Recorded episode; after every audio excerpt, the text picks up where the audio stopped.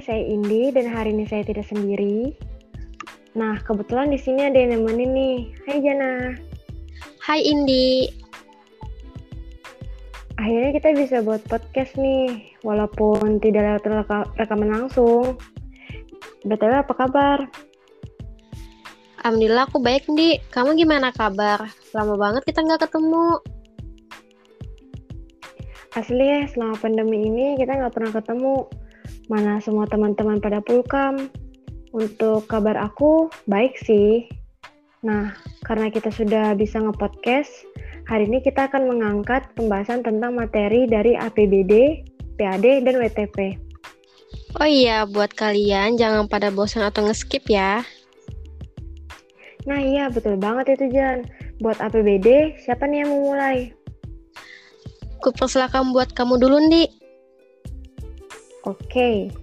BTW karena kita berdua dengan daerah yang sama, jadi misal aku duluan yang menjelaskan, boleh nih buat kamu nanya-nanya atau nambahin yang sudah kujelaskan.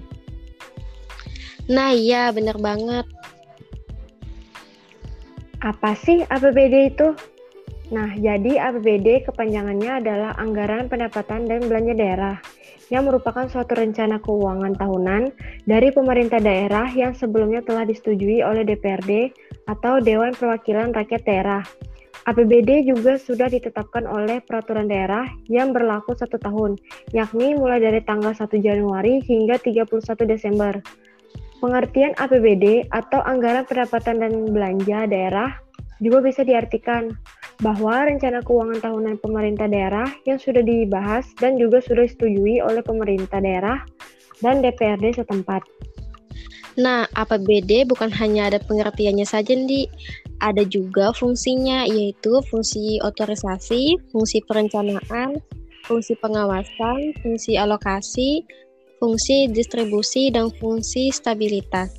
Jadi, fungsi APBD ini pada dasarnya sama seperti APBN, Nah, APBD dirancang agar bisa dijadikan pedoman dalam hal penerimaan dan pengeluaran penyelenggaraan pemerintah daerah dalam hal pelaksanaan otonomi daerah dan juga demi meningkatkan angka kemakmuran masyarakat pada daerah tersebut. Oh iya, di APBD di kabupaten kita ini sudah disetujui belum ya? Nah, dalam rapat paripurna DPRD Kabupaten Pasir sudah menyetujui dan menerima rancangan peraturan daerah Anggaran Pendapatan Belanja Daerah atau Raperda APBD tahun anggaran 2020 sebesar 2,5 triliun menjadi Perda. Hasil pembahasan Raperda tentang APBD 2020 yakni pendapatan sebesar 2,3 triliun dan belanja 2,5 triliun serta pembiayaan daerah 163 juta jadi, persetujuan APBD ditetapkan dengan surat keputusan DPRD Pasir nomor 14 tahun 2020 tanggal 14 September 2020. Nah, karena bagian APBD sudah, kita lanjut nih. Apa sih PAD atau pendapatan asli daerah itu sendiri? Apakah masih berhubungan? Mungkin bisa dijelaskan kali ya, apa sih itu PAD? Ya, jadi PAD atau pendapatan asli daerah adalah penerimaan dari sumber-sumber di dalam wilayah suatu daerah tertentu yang dipungut berdasarkan undang-undang yang berlaku. PAD ini bertujuan memberikan kewenangan kepada pemerintah daerah untuk mendanai pelaksanaan otonomi daerah sesuai dengan potensi daerah sebagai perwujudan desentralisasi. Di bisa dijelaskan nggak jenis-jenis PAD ini? Tentu dong Jan. Jadi jenis-jenis PAD ini ini terdiri dari pajak daerah, yaitu yang pertama kontribusi wajib, yang kedua retribusi daerah, yang ketiga hasil pengelolaan kekayaan daerah yang dipisahkan, yang keempat lain-lain PAD yang sah. Nah, kebetulan kita di daerah Kabupaten Pasir nih. Pasti teman-teman pada pengen tahu ya, berapa sih pendapatan asli daerah kita ini? Nah, di Kabupaten Pasir, pendapatan asli daerah yang ku dapat informasi dari internet sebesar 112 juta. Oh iya, Andi, apa benar di daerah kita, Kabupaten Pasir ini penghasil batu bara?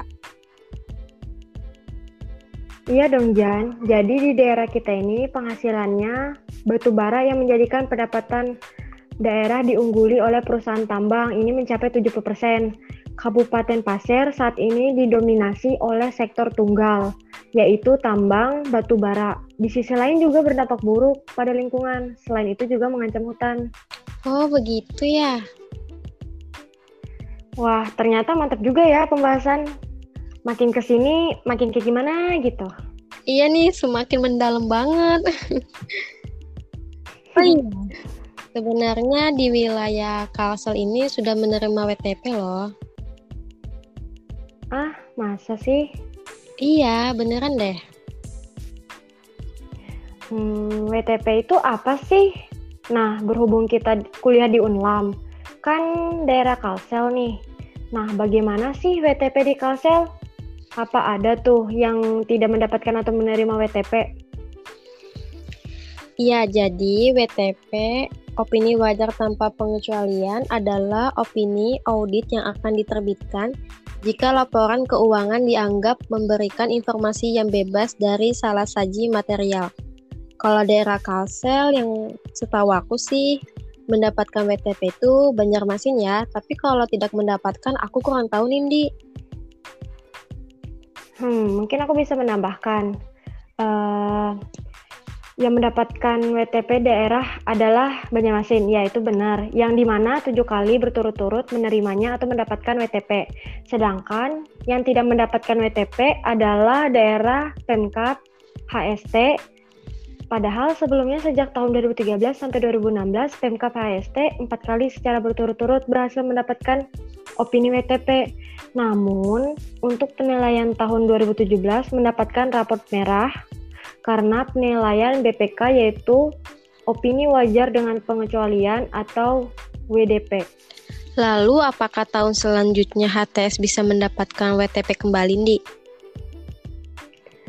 Hmm, iya Yan, tahun 2019 seluruh kabupaten se-Kalimantan Selatan berhasil mendapat predikat WTP termasuk HST atas laporan keuangan pemerintah daerah tahun 2018. Nah itu juga sih yang ku dapat dari Mbah Google.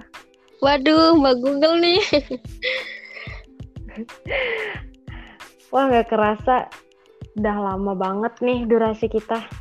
Iya nih, tapi seru juga ya sharing-sharing bertambah dong wawasan sedikit demi sedikit.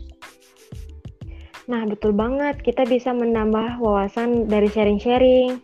Yang mendengar podcast, kita pun juga bisa mendapatkan ilmunya juga. Hmm. Iya, benar. ya udah deh, kita tutup aja, Gim. Tapi bentar deh, aku mau pantun. Buset, boleh tuh. Silakan, Bun. Oke. Okay. Pergi ke kampung, jalan terbelah, pohon jatuh, awas menimpa. Jika ada kesalahan kata, tolong dimaafkan. Saya Nurjana.